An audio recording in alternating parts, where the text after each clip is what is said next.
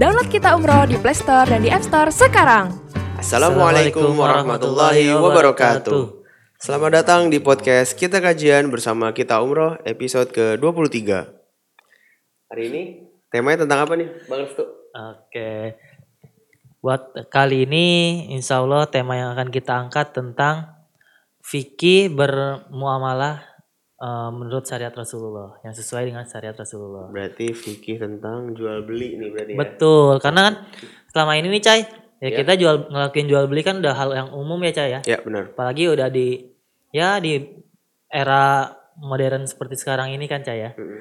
Jadi ya harus harus tahu sebenarnya cara-cara berdagang eh, jual beli yang sesuai syariat yang Rasulullah ajarin itu seperti apa sih gitu. Oke, kebetulan hari ini udah ada pemateri kita nih ya. Oh iya betul betul. Ini baru juga nih di sini nih Cai kayaknya. Ya, baru Baru- pertama ya. baru pertama. Berarti Pertama. ini uh, Ustadz Ah. suruh perkenalkan Eh diri betul dulu berarti betul, ya. betul. Salah. Assalamualaikum Ustaz. Assalamualaikum warahmatullahi wabarakatuh. Ustaz, eh, ini kan baru pertama kali nih Ustaz ya. Ya, Boleh sekalian perkenalan Ustaz biar teman-teman juga pada tahu gitu Ustaz. Eh, iya saya baru pertama kali. Untung cuma suruh kenalan bukan ospek kan. Wah gawat kalau saya Ahmad Zarkasi. Eh, saya tinggal di Kampung Tengah Condet. Kegiatan sehari-hari saya di Rumah Fikih Indonesia. Rumah Fikih itu lembaga kajian yang khusus membahas tentang masalah fikih baik klasik atau kontemporer. Nah, kegiatannya di dalamnya meneliti berbagai fatwa dari ulama belakangan, ulama terdahulu.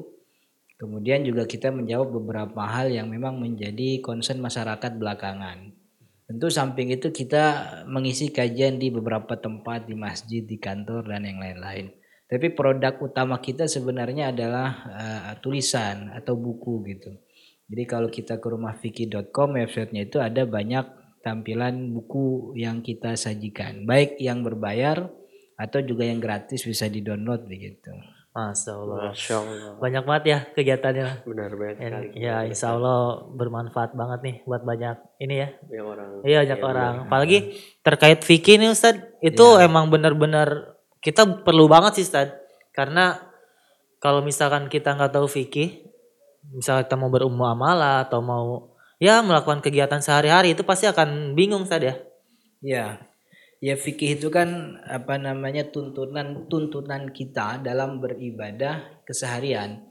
Jadi fikih itu kan apa eh, ala ilmu bima'rifatil ahkam. Eh, pengetahuan tentang ilmu hukum-hukum syariat yang berkaitan dengan keseharian kita. Dari mulai kita bangun tidur sampai tidur lagi. Kalau kita bangun tidur dalam keadaan junub tuh kan nggak boleh langsung sholat, harus ada mandi janabah. Itu fikih yang ngurusin begitu. Ya, kemudian ketika datang waktu sholat ke masjid harus bagaimana berapa rakaat niatnya bagaimana tuh fikih yang ngurusin gitu. Masya Allah ya benar-benar penting sekali emang Cai. Benar. Nah sekarang juga nih kita mau ngebahas fik tentang terkait fikih juga nih. Iya, fikih jual tapi beli. ter- tentang jual beli lebih spesifik Cai ya. Hmm, ini Nah, langsung aja nih. Ini langsung aja nih biar benar. teman-teman juga nggak lama-lama nunggu nih Cai. Ya. Ustaz, eh, tafadhol Ustaz tentang Iya. fikih jual beli. Fikih jual beli itu masuk dalam kategori fikih muamalat. Artinya fikih yang hubungannya itu antara kita dengan manusia yang lain. Jadi apa namanya? Maka da- beda dengan ibadah sholat misalnya. Ibadah sholat itu hubungan kita kepada Allah Subhanahu wa taala. Maka tuntutan, tuntunan dan caranya pun Allah turunkan langsung teknisnya bagaimana. Dari mulai niat, takbir sampai salam Allah turunkan teknisnya bagaimana seperti itu. Jadi kebanyakan wahyu kalau ibadah. Tapi karena ini ibadah muamalat, eh, ibadah yang hubungannya manusia dengan manusia, maka hal-hal yang sifatnya wahyu itu sedikit begitu ya. Hal-hal yang sifatnya wahyu sedikit lebih banyak masalah yang mutaghayyirat begitu. Kalau dalam bahasa kita itu sawabit, sesuatu yang tetap nggak boleh dilanggar. Nggak boleh dilanggar dalam arti kita orang muslim maka harus taat kepada akidah Islam jual beli yang justru mengakibatkan dia menjadi eh, apa namanya hilang imannya atau merusak agamanya tentu dilarang. Kemudian juga ada masalah yang sifatnya sawabit itu dalam hal kaitannya nilai nilai kemanusiaan bahwa yang namanya manusia tuh harus harus jujur dan sebagainya. Jadi itu itu jual beli itu hampir kebanyakan masalahnya tidak seperti ibadah yang harus banyak wahyu gitu. Maka fikih jual beli itu lebih luas dibanding fikih sholat. Karena jual beli itu teknis dan sistemnya itu sering sering berkembang begitu, dari zaman ke zaman. Hanya saja memang ulama fikih menetapkan bahwa jual beli yang satu harus terpenuhi rukun dan syaratnya. Ya rukunnya kan pertama ada kedua pelaku, pembeli dan juga eh, pedagang. Rukun yang kedua harus ada barang yang diperjualbelikan gitu. Kalau nggak ada barang mau ngapain jual belikan gitu. Kemudian yang ketiga ada harga yang dijadikan nilai untuk barang tersebut. Yang keempat kemudian ada ijab dan kobul. Jadi rukun jual beli itu empat. Pelaku, pembeli dan pedagang. Kemudian barang yang didagangkan, harganya, kemudian ijab dan kobul. Ini empat ini harus terpenuhi. Dan empat-empatnya harus memenuhi syarat. Kalau pedagang dan pembeli syaratnya dia adalah orang yang memang harus berakal, Begitu walaupun tidak mesti balik beberapa ulama menyebut ada yang syaratnya balik tapi sebagian ulama menyebut yang penting ahlan litasarruf. Ahlan litasarruf ahlan itu artinya berarti dia orang yang sudah dia sudah ngerti 200 itu berapa, 1000 berapa, 3000 berapa. Itu minimal anak yang mumayyiz gitu. Dan tidak mesti harus muslim kan. Jadi orang berdagang itu tidak mesti sesama harus sama muslim. Non muslim juga boleh. Nah, kemudian barangnya yang kedua rukun kedua itu barang dagangan. Barang dagangan itu syaratnya pertama dia tidak boleh barang yang najis. Gitu. Jadi kalau jual beli apa namanya eh, ini nggak apa-apa nyala gini. Kalau jual bunyimu udah tadi itu. Kalau jual beli barang najis misalnya kotoran gitu kan, ya nggak boleh. Jual belinya nggak sah. Kalau ada yang iseng begitu jual beli kentut onta gitu kan nggak bisa juga. Kalau susu onta masih bisa karena nggak najis kan gitu. Tapi kalau ada orang beli, jual beli najis maka terlarang. Yang termasuk syarat barang dagangan juga dia tidak boleh barang yang kemanfaatannya haram. Apa kemanfaatannya haram? Ya ganja misalnya. Ganja itu kan nggak najis. Cuman kan kemanfaatan ganja itu untuk mabok-mabokan kan haram misalnya. Jadi sesuatu yang kemanfaatannya haram. Kemudian barangnya juga syaratnya dia harus sesuatu yang terukur. Ada apa? Ada ukurannya, jadi terukur. Hmm, jadi nggak bisa kita kita beli, gue beli itu rumah lu yang di mana-mana gitu. Ya nggak bisa, harus ditentuin satu apa dua apa tiganya begitu, maksudnya gitu. Jadi tidak boleh membeli barang yang apa namanya yang tidak terukur. Kemudian yang ketiga rukun ketiga itu ada namanya harganya. Harganya harus jelas. Jadi ketika kesepakatan jangan sampai ditinggalkan begitu aja. Jadi harus ditentukan harganya disepakati kata pembeli harganya 200 ribu ya. Kata pedagang naikkan dikit lah 220 ribu. Kemudian terjadi tawar menawar tawar menawar akhirnya ketemu kesepakatan harga 205 ribu misalnya. Itu harga yang sudah disepakati. Maka tidak boleh kedua pihak meninggalkan tempat dagangan tanpa jelas berapa harga yang ditentukan gitu. Jadi harus jelas harganya. Nah tidak boleh ada kebohongan juga. Bilangnya udah iya 200 ribu ternyata dia minta 250 ribu misalnya. Nah kemudian yang keempat tuh ijab dan kobul. Ijab dan kobul itu maksudnya ada kata yang keluar saya beli dan saya terima kan gitu. Itu kalau kita dalam madhab syafi'i memang rukunnya harus ngomong tuh. Saya jual, saya beli. Tapi kan ulama tidak menghukumi bahwa ijab kabul itu tidak harus dengan perkataan saya terima, saya beli gitu kan enggak.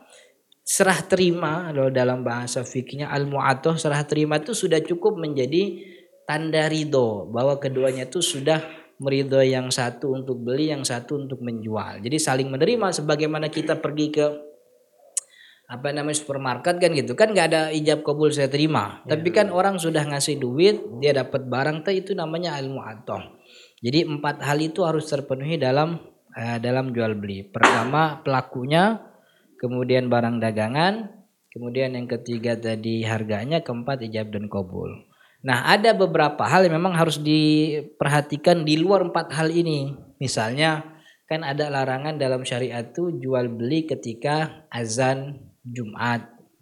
Ya, kalau di sini azan Jumat yang kedua gitu ya. Azan yang imam naik mimbar. Itu kan tidak masuk dalam kategori rukun tuh.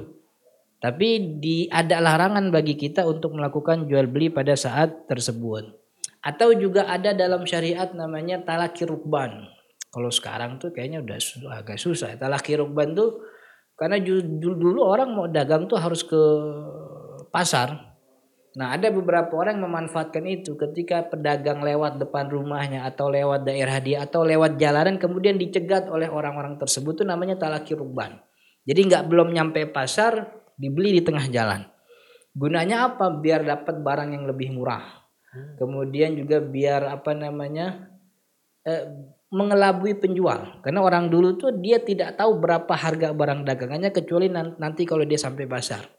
Nah belum nyampe pasar dia udah dicegat tuh sama orang. Itu namanya talaki rukban. Orang-orang yang melakukan jual beli di situ itu yang diharamkan. Jadi sesimpel itulah jual beli tidak terlalu yang bagaimana-bagaimana karena ini muamalat yang hubungannya antara manusia dan manusia gitu. Maka wahyu itu urusannya untuk yang prinsip-prinsip aja. Kalau jual belinya justru mengakibatkan kekafiran haram.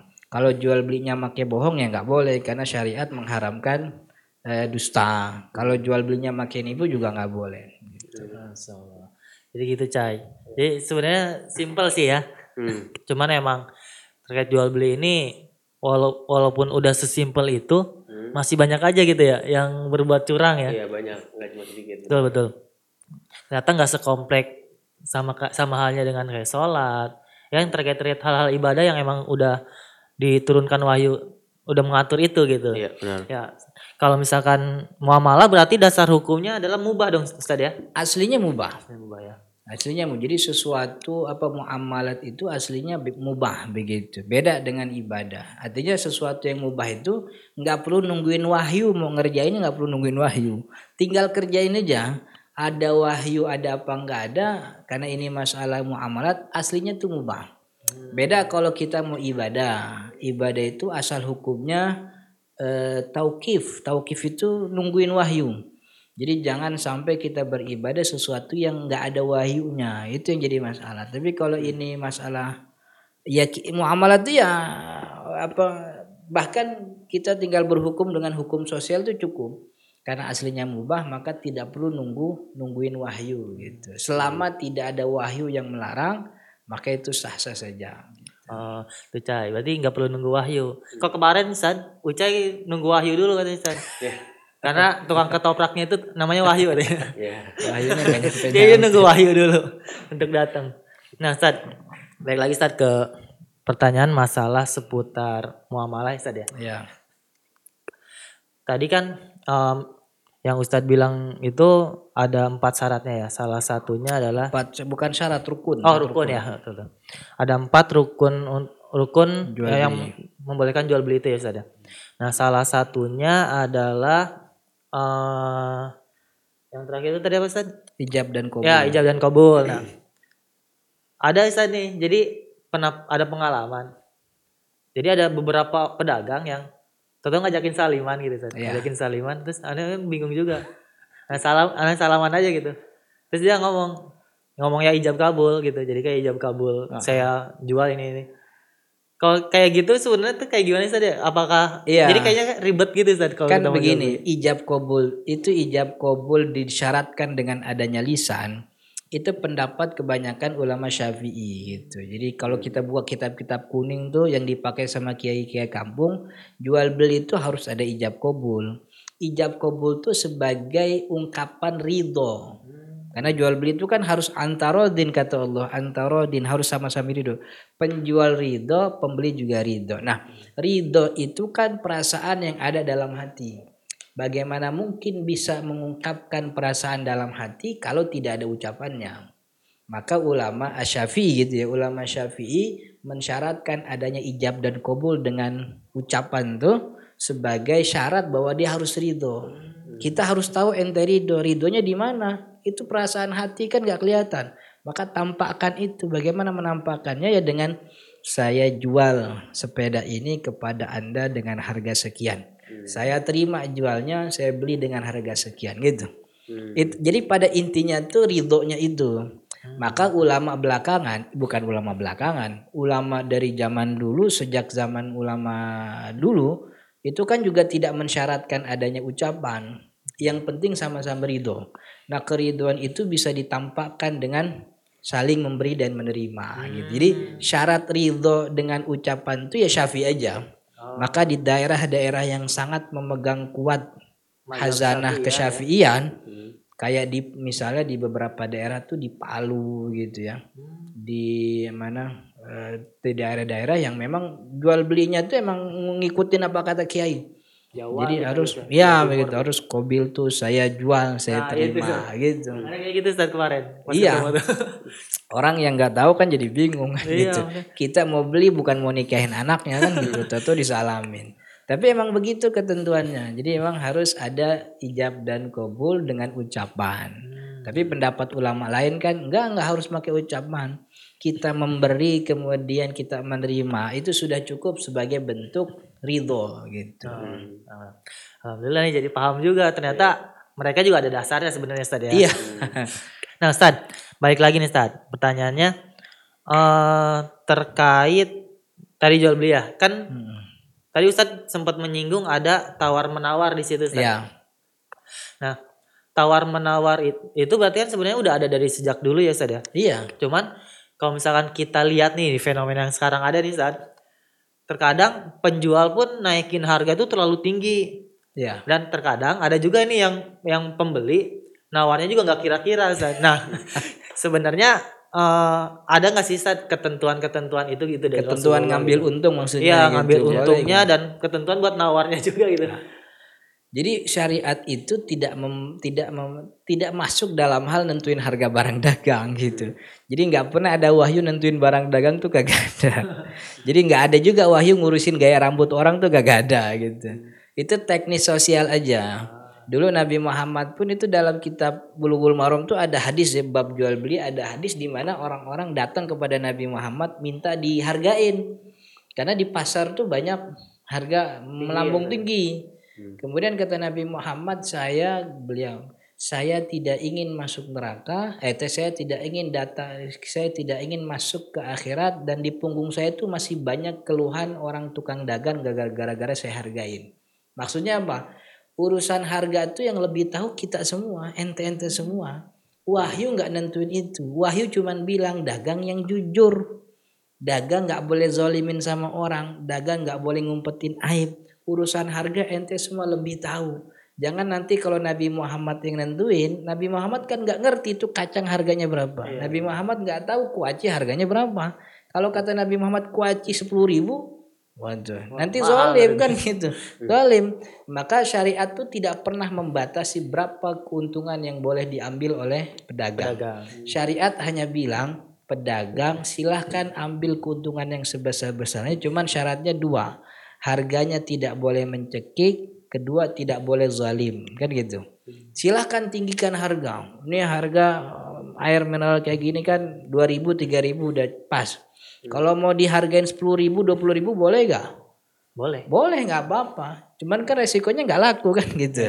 Tapi eh, tapi kalau dihargain sampai eh, katakanlah pedagang udah nggak ada nih gitu. Pedagang cuman dia doang tuh di situ gitu mentang-mentang pedagang air dia doang ini harga ditaikin jadi 30.000 ribu. Itu kan zalim namanya. Nyiksa. Oh, betul betul. itu menyiksa namanya. Walaupun tidak dilarang meninggikan harga tapi kondisinya dia tuh adalah rujukan satu-satunya ketika itu. Dan orang sedang butuh minum. Dia doang yang jual air minum kemudian ditinggiin harganya biar dapat keuntungan. Itu namanya zalim. Tapi dalam kondisi yang normal-normal aja pedagang boleh ngambil sesuka dia maka itu ada jual ada transaksi tawar nawar boleh dong harganya eh, apa namanya eh, Kurang dikit lah. dikurangin dikit kan gitu. Ya cuman emang kadang-kadang tuh ada orang yang nawar emang sadis banget. Iya gitu. betul Ustaz. Harga dikasih 200 ribu, dia nawar 50 ribu tuh, kan jauh banget itu.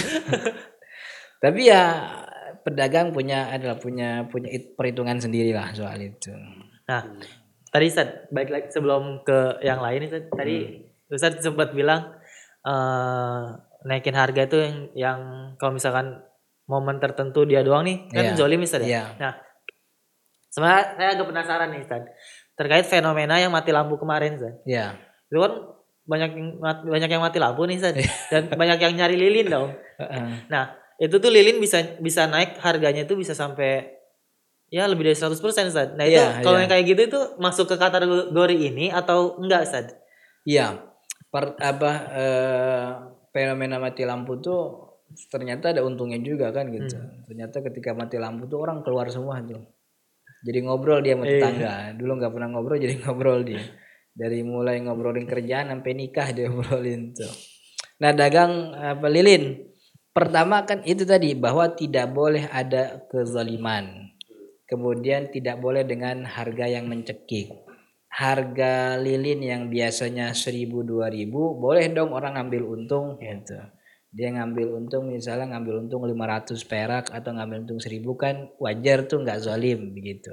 Tapi kondisinya apa namanya orang sedang sangat butuh sekali dan tidak ada bukan tidak ada hampir semua toko menaikkan harga. Ya. Selama menaikkan harganya wajar-wajar saja sih nggak ada masalah. Artinya untuk seharga lilin itu kan kita kan punya ukuran gitu. Lilin yang segitu gitu tuh kalau dihargain cuman sampai 5000 masih wajar lah. Toh kalau kita beli ke departemen store yang di mall-mall tuh kan lilin juga harganya mahal juga kan gitu. Dia mahal juga. Jadi memang eh, standar itu syariat tidak punya standar itu. Sosial yang memberikan standar itu. Selama dalam kategori tidak menzalimi dan tidak mencekik begitu. Nah, Itu nggak ada masalah gitu. Oke, berarti nggak ada masalah. Jadi nggak apa-apa tuh. Yang penting nggak menzolimi. Berarti kalau yang kemarin 40 ribu itu gimana Cai? Bisa sampai 40 ribu harganya. Zolimi sih Sampai 40 ribu saat kemarin Masya Allah. 40 ribu tuh satu kotak gitu ya. Satu kotak, kotak, iya. tapi yang biasanya sih emang 10 ribu gitu. Nggak nyampe 10 ribu malah sebenarnya biasanya. Iya. Nah, Ustaz, kalau Ras- Rasulullah sendiri Ustaz, dalam berdagang apakah kita bisa menerapkan untuk saat ini ya Ustaz ya? Ya. Yang Anda tahu kan Rasulullah itu kalau berdagang dia ini Ana punya Ana harga belinya sekian, Ana jual nih sekian nih, mau Iya. atau enggak gitu. Nah, sebenarnya kalau yang harga yang seperti itu di zaman yang saat ini apakah masih bisa diterapin Ustaz? Bisa, bisa aja. Cuman kan memang tidak apa namanya ya. Tidak semua orang punya keberanian untuk itu gitu. Dan pembeli juga kan tidak butuh sebenarnya. Pembeli itu tidak butuh harga beli dia berapa. Pembeli itu butuhnya harganya tuh cocok sama kantong dia. Jadi kalaupun tidak dikasih tahu saya beli sekian, saya jual sekian, nggak ada masalah. Karena tidak ada efeknya terhadap jual beli tersebut gitu kan.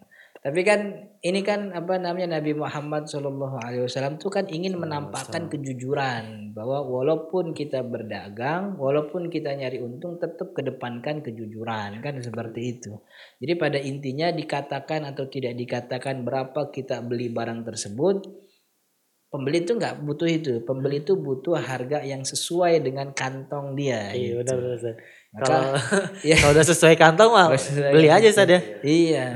Tapi memang kadang-kadang informasi terhadap harga asli itu menjadi sangat dibutuhkan kalau memang ada pembeli yang begitu ya nawaran nggak kira-kira kan gitu. Dia jual berapa baji 200 ribu. Udah saya beli 50 ribu ya. Gitu. Mohon maaf bu itu 50 ribu kita apa namanya Modalnya nggak modalnya segitu. segitu kan gitu. Jadi saya, saya lihatnya bahwa itu tidak ada keharusan bahwa kita harus ngasih tahu saya ini yang ambil sekian enggak. Karena yang dibutuhkan oleh pembeli itu adalah harganya sesuai gitu. Oke, insya Allah. Yang penting berarti hikmah dari Rasulullah melakukan itu itu eh, Kejujuran. kejujurannya ya saja. Iya. Jadi memang setiap jual beli itu emang kesempatannya banyak sebenarnya buat ngelakuin hal-hal Iya. yang curang gitu saja. Tapi ya tadi, Termasuk juga iya jujur dalam kualitas itu kan. nah itu juga tuh. Nih harganya sekian, cuman nih kalau apa namanya nih kalau kena kebanyakan dijemur matahari jadi warnanya buram. Nah itu kan mestinya harus ini kan gitu. Dan sekarang dengan inf- apa teknologi yang sudah mulai maju dan orang juga sudah mulai cerdas, ba- ba- ba- banyak penjual yang sudah mulai pada seperti itu. Artinya dia jual barang ketika nulis di spesifikasi dia juga menulis apa kekurangannya gitu. Oh iya, betul betul. Gitu. Itu kan juga bagian dari kejujuran. Jadi nggak cuman apa namanya yang bagus-bagusnya doang, tapi dia juga sebagai apa apa sebagai penjual yang jujur harus menjelaskan kemungkinan yang akan terjadi pada barang dagangannya jika kondisi A, B, C dan sebagainya gitu. Itu kan bentuk kejujuran. Nah itu emang sering banget kita temuin saat apalagi yang jual beli online saat. Ya, Oh itu sering sih, sering. Di fotonya Iya betul. ya kan? Beberapa kali sih aneh sempat ketipu juga saat. Datang ternyata nggak sesuai. Benar-benar. Tapi kalau yang eh kayak cicip mencicipi gitu saat itu ada ketentuannya juga saat kayak cicip maksudnya. contohnya kayak buah Oh, atau iya. enggak em, walaupun bukan bu- bukan makanan saat kayak Iya. misalkan baju. baju gitu kan kita cobain dulu. Nah itu kayak begitu juga Ada. ketentuan. Dalam pembahasan fikih itu ada namanya khiyar. Khiyar itu opsi ya. Ya. Bahasa opsi. Tapi dalam kita fikih kan ada khiyarul majlis, ada khiyarul aib. Jadi jaminan gitu ya. Apakah barang ini cocok dengan dia atau tidak? Kalau emang tidak cocok, ada syarat boleh dikembalikan dan itu sah-sah saja. Dan khiyar itu disepakati antara kedua pihak begitu. Oh gitu. Jadi enggak enggak cuman mainan satu pihak tapi dua-duanya punya. Mas, ini mesin kalau sampai 20 hari belum udah mati balikin balikin ganti baru. Wah, itu namanya khiar juga. Jadi khiar tuh bukan hanya pada tempat akad tapi setelah akad pun masih ada khiar aib. Waktu dan ketentuannya ditentukan oleh kedua, kedua pihak. pihak ya.